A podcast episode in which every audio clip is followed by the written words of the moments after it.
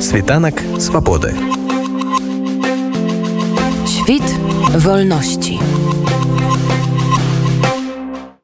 А мы пераносімся на іншы ўскраек былога савецкага саюза. Чарговае абвастрэнне сітуацыі паміж арменіяй і азербайджанам адбылося ў ноч з панядзелка на аўторак арменія паведаміла пра абстрэлы сваіх пазіцыяў з боку азербайджана апошні адпаведна абвінаваціў ва ўсім арменію. Але ж рэч у тым што арменія краіна чалец ваеннага блоку арганізацыі дамовы аб калектыўнай бяспецы.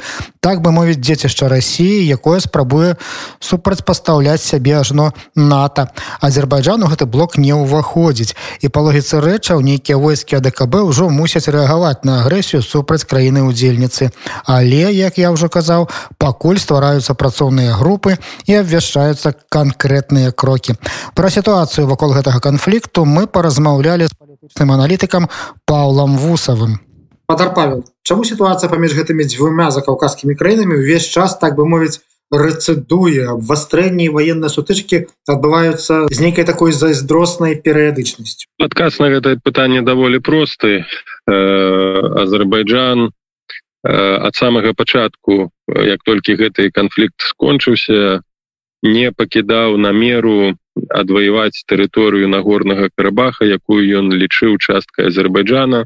І таксама спалучыць паміж умоўно э, большой землей э, азербайджана.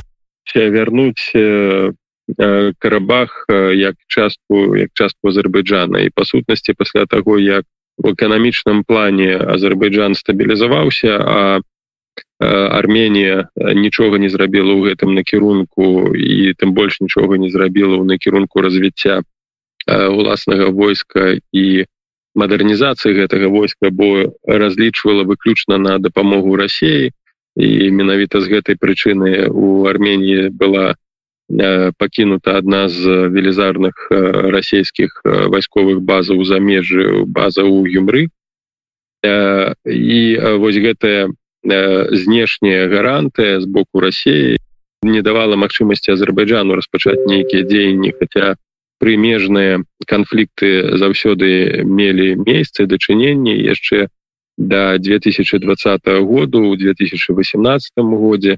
Былі памежныя сутыкненні якія скончыліся нават тым что армянскія войскі прасунуліся ў глыб тэрыторыі азербайджану захапілі нават некалькі населеных пунктаў.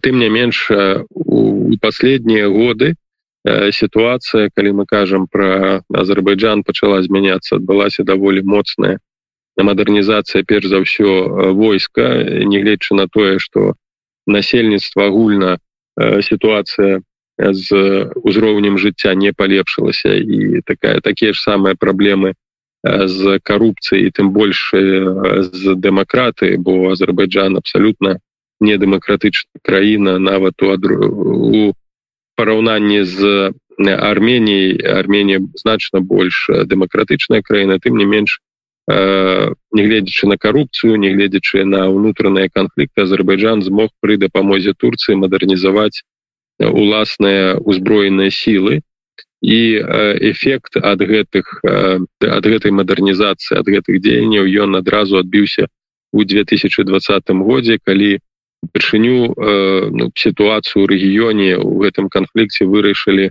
беспілотныя апараты якія былі дастаўлены ў азербайджан э, праз турцыю. І э, азербайджан змог захапіць частку нагорнага карабаха.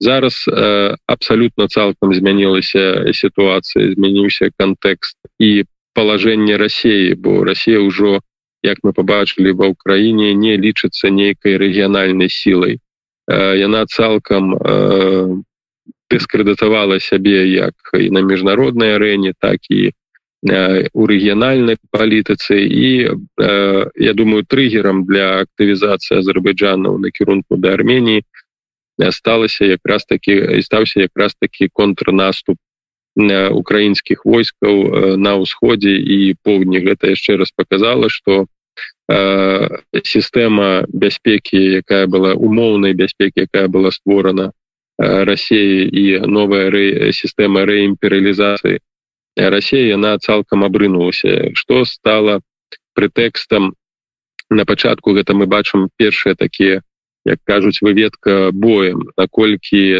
наколькі Росія зараз можа зарэагаваць і што яна можа зрабіць у адказ на дзень Азербайджана бо не трэба забывацца што з 2020 года у нагорным карабаху знаходзяцца расійскія э, міратворцы якія нейкім чынам павінны зарэагаваць. А напэўна рэакцыі ніякай не будзе.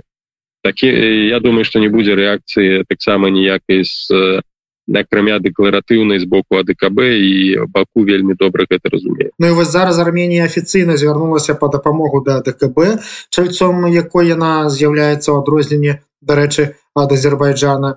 Ці нададуць краіны гэтага военнага блоку такую дапамогу Арменіі якраз такі Арменію уваходзіла у АДКБ менавіта дзеля таго каб атрымаць яшчэ одну гарантыю уласнай бяспекі але гэтую гарантыю яна не атрымала ні ў 2020 годзе не атрымае яе і зараз. І у баку гэта разумеюць.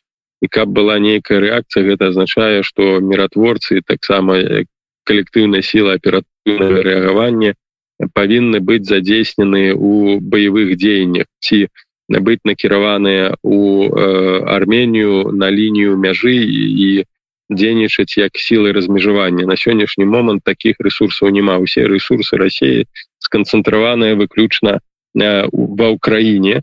Псіхалагічна і маральна расійскія войскі падаўленыя а скіраваць туды у зону канфлікта могуць свае войскі выключна толькі две краіны. Гэта Росія і Беларусь. Не ведаюць ці Мачыма так удана гэта адбылося ці Мачыма гэта было нейкія кансультацыі паміж кіевым і баку. Бо гэты канфлікт які зараз з новай сілай распачаўся на каўказе ён безумоўна будзе патрабаваць ад рассея нейкай рэакцыі і скіравання туды пэўную колькасць міратворцаў некалькі тысячаў а у сувязі з вайной калі Росія гэтага ва ўкраіне калі Росія гэтага не зробіць то гэта будзе адпаведна сігнал ввогуле для ўсяго рэгіёну что сілы Росіі вычарпаны. Беларусь таксама не наўрад ці выйшлі туды сваіх міратворцаў. Гэта будзе азначаць па-першае аслабленне бо калектыўная сіла аператыўнага рэагавання яны складаюцца у беларусі з так званых сіл спецыяльных аперацый это па сутнасці адзіныя умоўна прафесійныя вайскоўцы якія зараз размешчаны на мяжы з украінай. Там сканцэнтравана да 10 батальённа-тактычных групаў збольшага якія складаюцца з якраз такія сіл спецыяльных аперацый. Міратворчая аперацыя у Арменії будзе патрабаваць ад Беларусі скажем двух-трох тысячаў чалавек. Гэта аслабляе вось гэтую прэтэарыанскую гвардыю найбольш адданых для лукашэнкі лукашенко вайскоўцаў что таксама для яго небяспечна. А яшчэ больш небяспечна что калі яны пачнуць гінуць на мяжы з Азербайджанам бо Азербайджан напэўна будзе выкарыстоўваць увесь свой патэнцыял а такога збройнага патэнцыялу не беларускія сённяшнія войскі не расійскія накіраваць у Арменію просто не ў стане і ваяваць за Азербайджанам яны таксама не ў стане по адной простай прычыне что за Азербайджанам стаіць Турцыя. І для Турцыі э, гэты канфлікт таксама мае важное значэнне. Яна жадае асноўным асноўнай мэтай Турцыі на сённяшні момант гэта выдаўліванне Росіі з Каўказу. І як толькі Росія прадэманструе слабасць а напэўна так яно і будзе актыўныя дзеянні контррасійскія пачнуцца па ўсім каўказе у тым ліку напрыклад у паўночным каўказе гэта чачня гэта на асетыя гэта інгушеты дзе нягледзячы на умоўна на стабільную сітуацыю ўсё ж таки антырасійскія матывы антырасійскія пачуцці даволі застаюцца моцнымі і як толькі сітуацыя з Росіяй будзе больш-менш ясная што яна не ў стане кантраляваць гэты рэгіён могуць цэнтра бегчыя працэсы і вяртання да сітуацыі з 90 -го года літаральна учора з'явілася інфармацыя што Францыя ініцыюе склікання рады бяспекі ан менавіта ў сувязі з сітуацыяй паміж Арменіяй і Азербайджанам А колькі дзён таму макрон тэлефанаваў Пуціну. Чаму раптам Францыя заклапацілася гэтай сітуацыі? Францыя заўсёды выступала як жадае выступаць як такі геапалітычны палітычны ўлец які уплывае на нейкія працэсы. Францыя згуляла негатыўную ролю у падзеях 2008 году калі выступила калі тады яшчэ быў прэзідэнтам сарказі выступіў у якасці перамоўшчыка па Грузіі замест того каб Еўропа выпрацавала агульную кансалідаваную пазіцыю по гэтай сітуацыі яны фактычна змусілі Грузію здацца так паддацца і выйсці з, з вайны і Грузія на міжнароднай арэне па сутнасці засталася сама акрамя Польшчы актыўна яе ніхто не падтрымаў зараз ну акрон трэба разумець ён жадае паказаць сябе як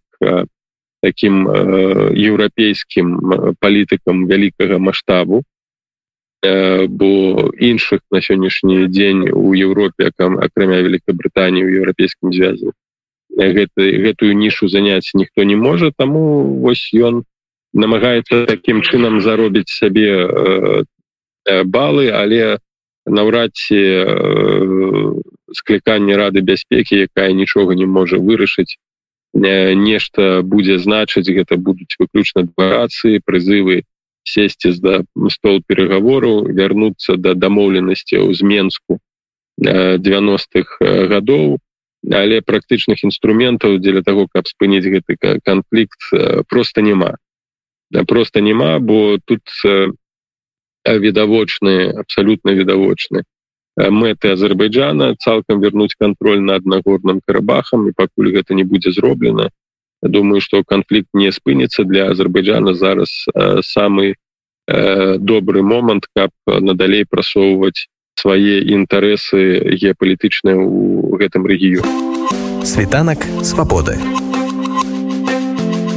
Świt wolności.